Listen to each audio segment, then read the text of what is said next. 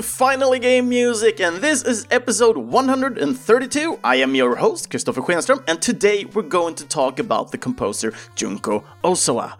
So, as a beginning, as we usually do with the composers, we, we're digging deep into who the composer are, where they come from, and so on.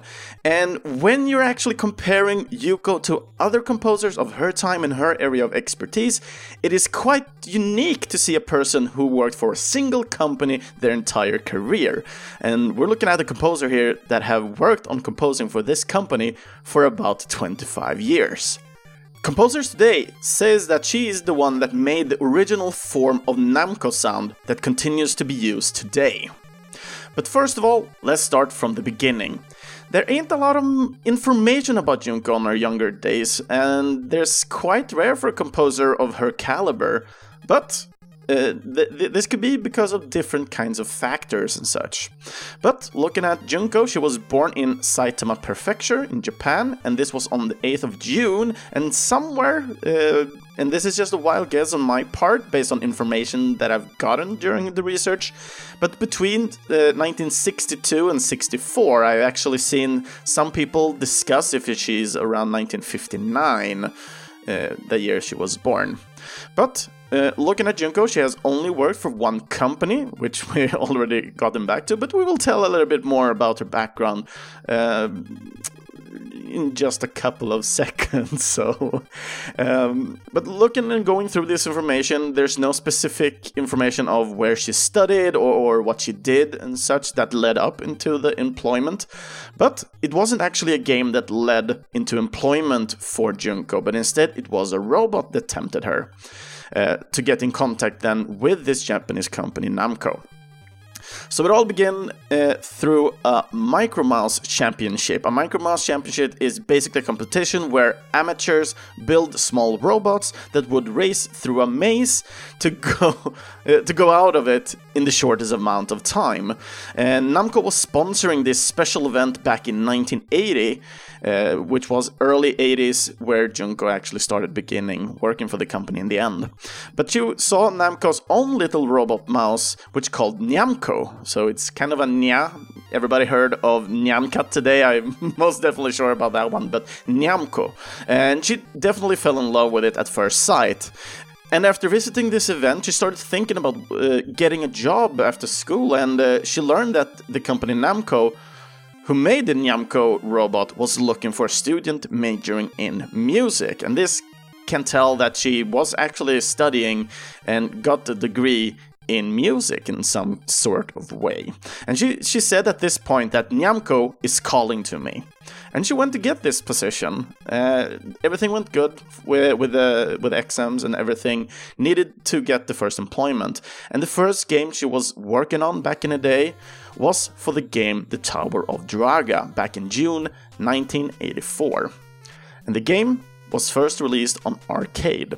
So we're going to listen to a Game Boy version because we don't play that much Game Boy on this podcast. So I think it's time for us to kind of up that game. So let's go for uh, The Tower of Druaga and the song Congratulant Message.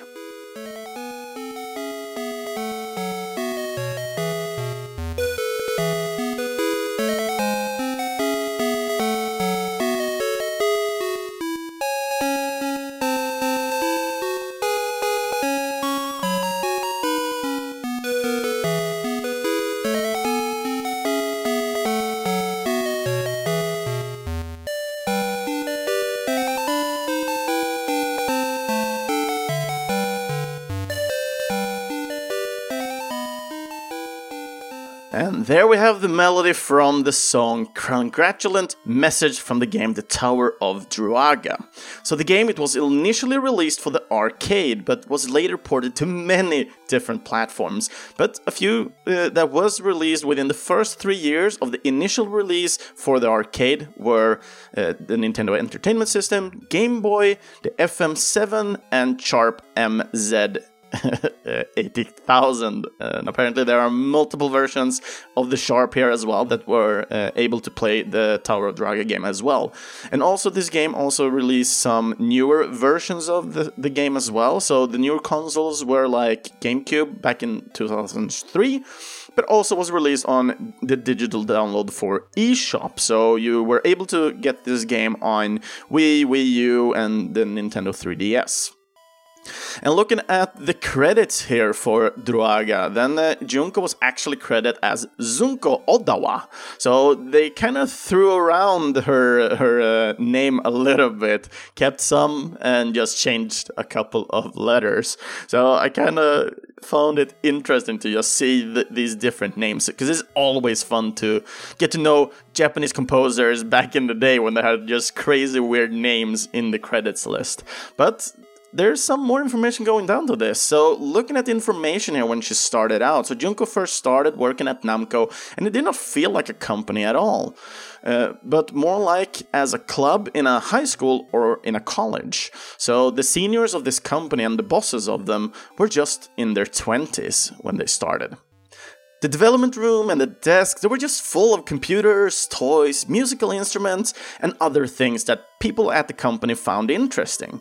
So when she started, she actually had to stay quiet over the fact that she were a developer at Namco, and this was because everything had to be done in secret. Because if people told that they were working with games, then they were told that they would basically get kidnapped and then they would be asked for your ideas for a new game in place of a ransom instead. However, she does not know if this was actually true or not. So, looking at this first game, The Tower of Druaga, she actually programmed and used her own sound driver and wrote her own music. The sound driver was specifically made for the music, a program where it was like sheet music when she made the music. It reads the data and then play the music.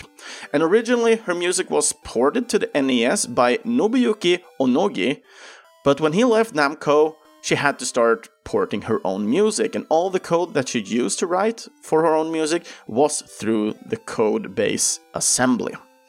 And it was kind of welcome from the part of Namco here because instead of going through another instance of another person uh, working on the music, uh, it was well much better that uh, Junko worked on all the different versions herself because they overall got better results.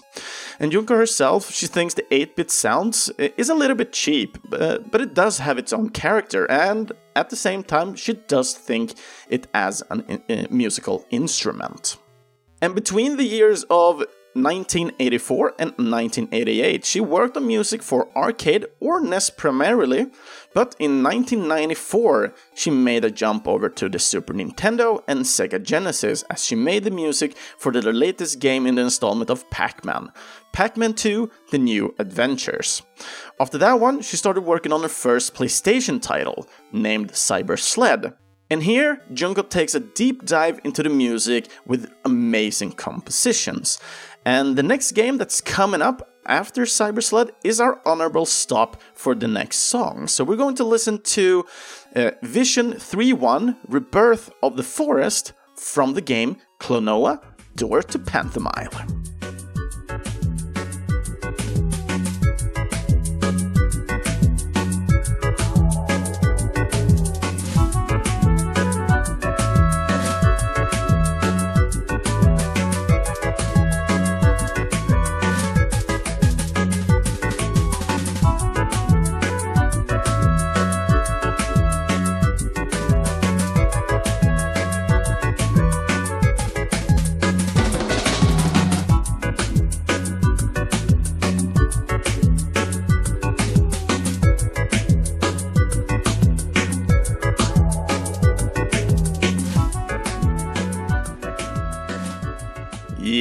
I dedicate this song to Ulol, who sent me a message that we just had to pick a song from a Klonoa game, and I usually try to avoid popular titles for the larger composers, but I think this one is unavoidable when it comes to Junko.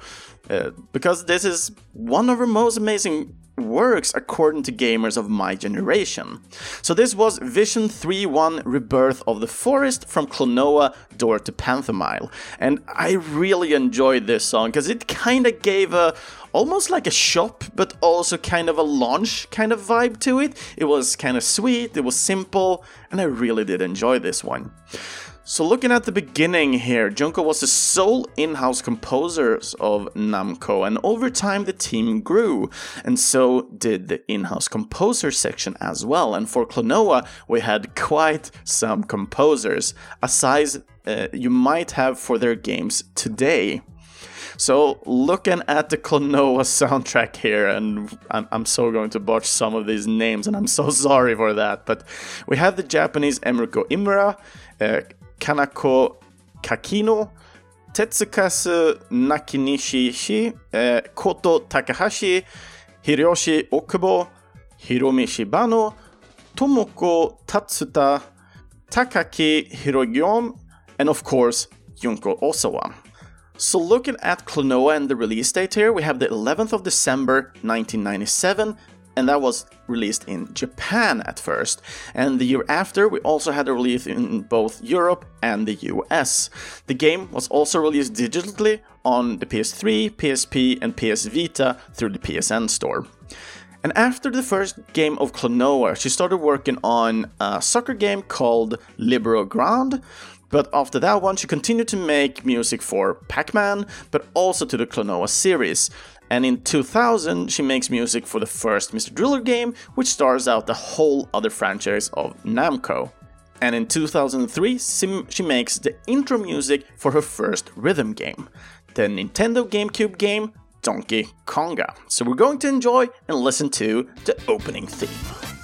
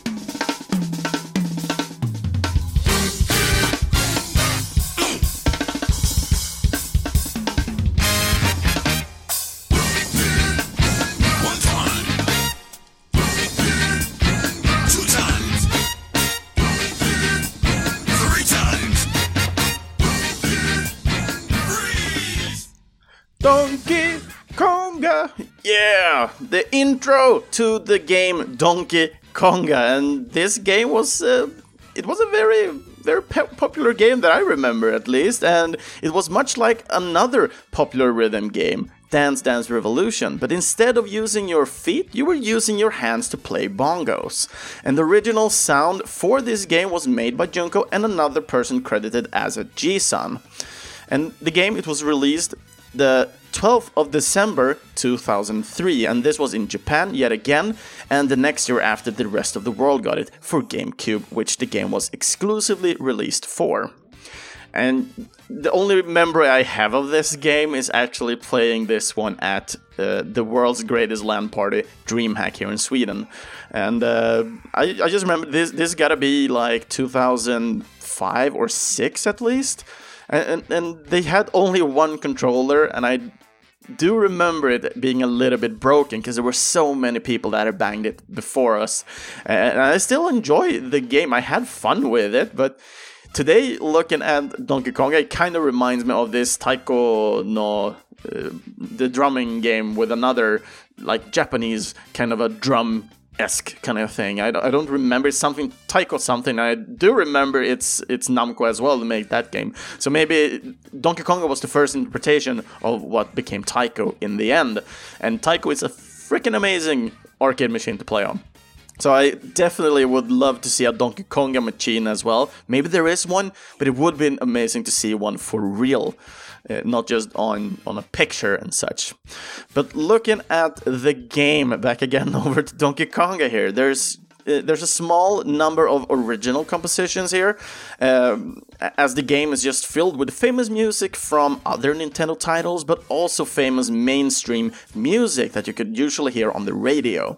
And there are unique lists both for uh, Japan, but the US and Europe. So there are three different song lists for this game. And looking at Junko when it came to the music and making the music and sound effects, Junko always had a fair amount of creative freedom when it came to the music and the sound effects for the games that she worked on. But there were no strict instructions for her, so she usually got an okay on her first time when making uh, the music or the sounds effect. But uh, there were some times where people basically said that's not quite right, and she had to remake the sounds. And there are only a few more games that I could find in her entire credit list that were not developed primarily by Namco. So we have uh, the world, the wrestling game, the WWE Day of Reckoning 2, back from 2005, and Petz Catz 2 from 2007. These games were developed by another company, but Namco Sound Team did the work for the music specifically in these cases.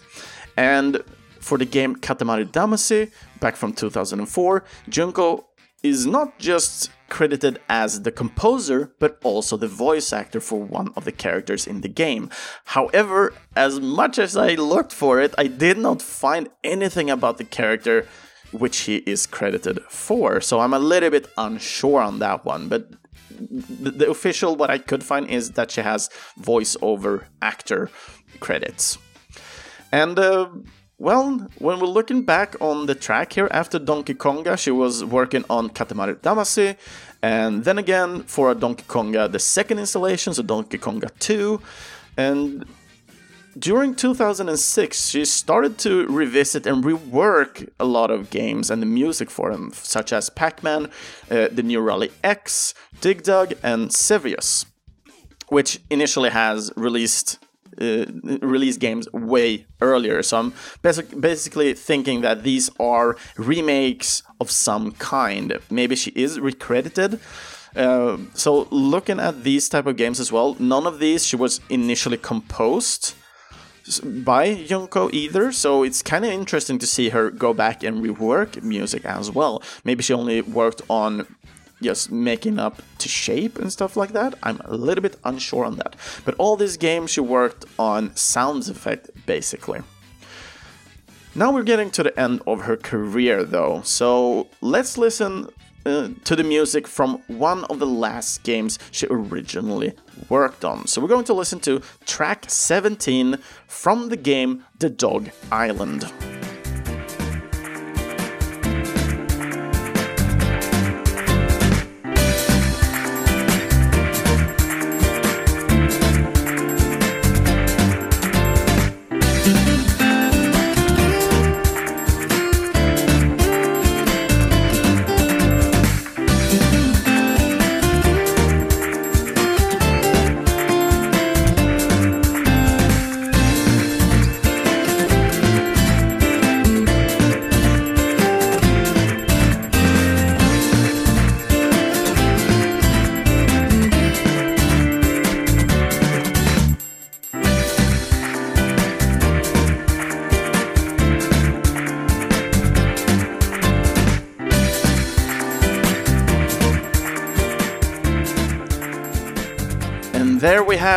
Last track of the week, The Dog Island and track 13.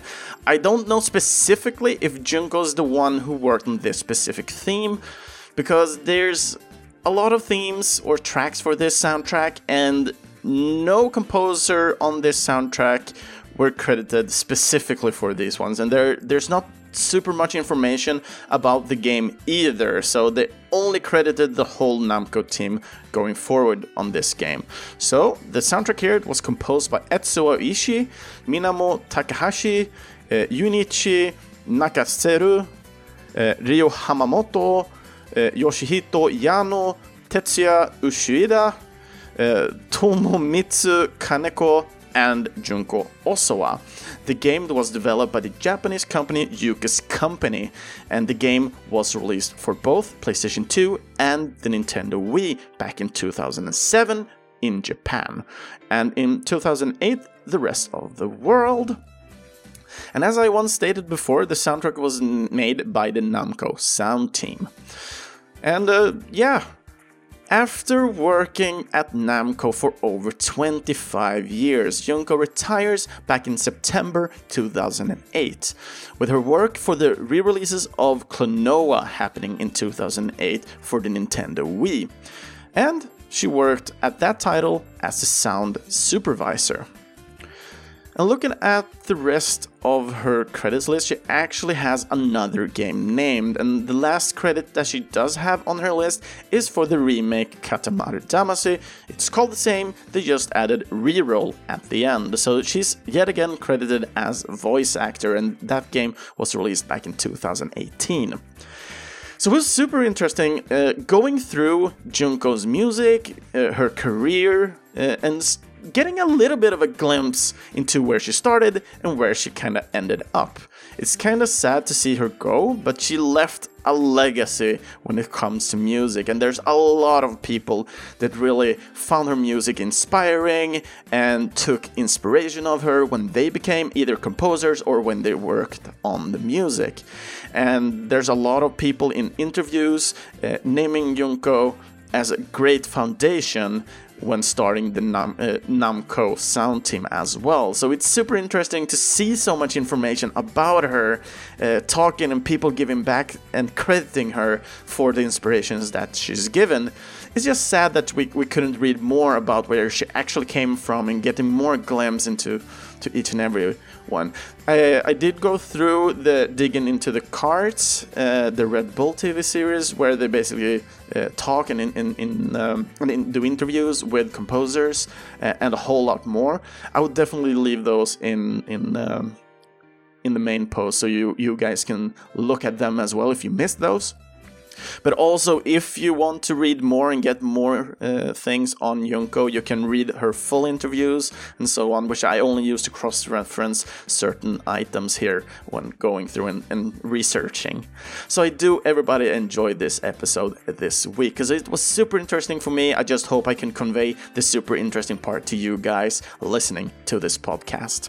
And also, I want to give a big sorry as well because last week I did not check my information and, and setups for my microphone. So the sound quality is hopefully way better this week than it was last week. So I'm so sorry for that one. I will keep that in mind for every podcast coming up uh, further into the future as well.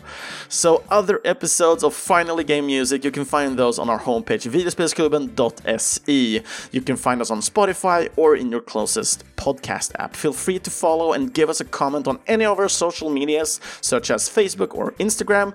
Uh, and I'm starting to change everything so you can find us on finally game music on Instagram at least. I'm trying to figure it out on Facebook as well, but other than that, you can find us with Äntligen Spelmusik as well. You have everything information in Spotify and, or in the podcast app if you are a little bit unsure.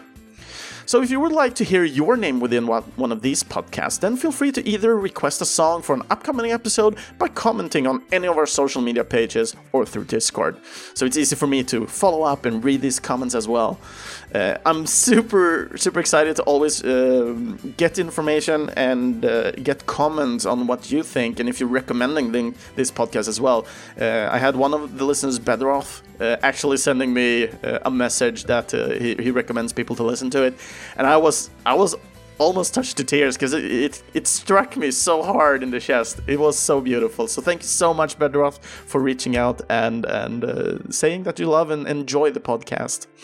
So others, other ways you can otherwise uh, support this podcast, you can become a Patreon to support future content, the quality updates. Uh, I'm starting to feel that my my uh, headphones are starting to crack up a little bit. They're getting old, so I'm starting to to get. Uh, I need to get new uh, new equipment soon as well.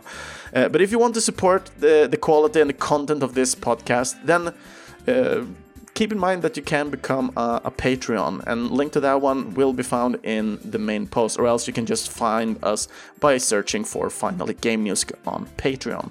So some of our, or all of our um, amazing backers today are uh, Mikael Sjöberg, Andreas Nilsson, Daniel Onemark. So thank you so freaking much for backing up this project and this child of mine, I would say, the podcast Finally Game Music, and links where you can either buy or support uh, Junko, who's behind the music. You, I will try to get as much information as possible uh, into the main post of videospelsklubben.se. So the next theme for the next episode, I wanted to talk about a little more about a specific game. It's been a while since we did one of those deep dives into the soundtrack of one specific game. So we, we usually deep dive in composers or we listen to a whole lot of things depending on the thematic. But we're going to listen to the soundtrack for Asterix and Obelix for the Super Nintendo next week. So hope you all had a great Easter. Everybody's taking care and having a good time. So I'll see you all next time.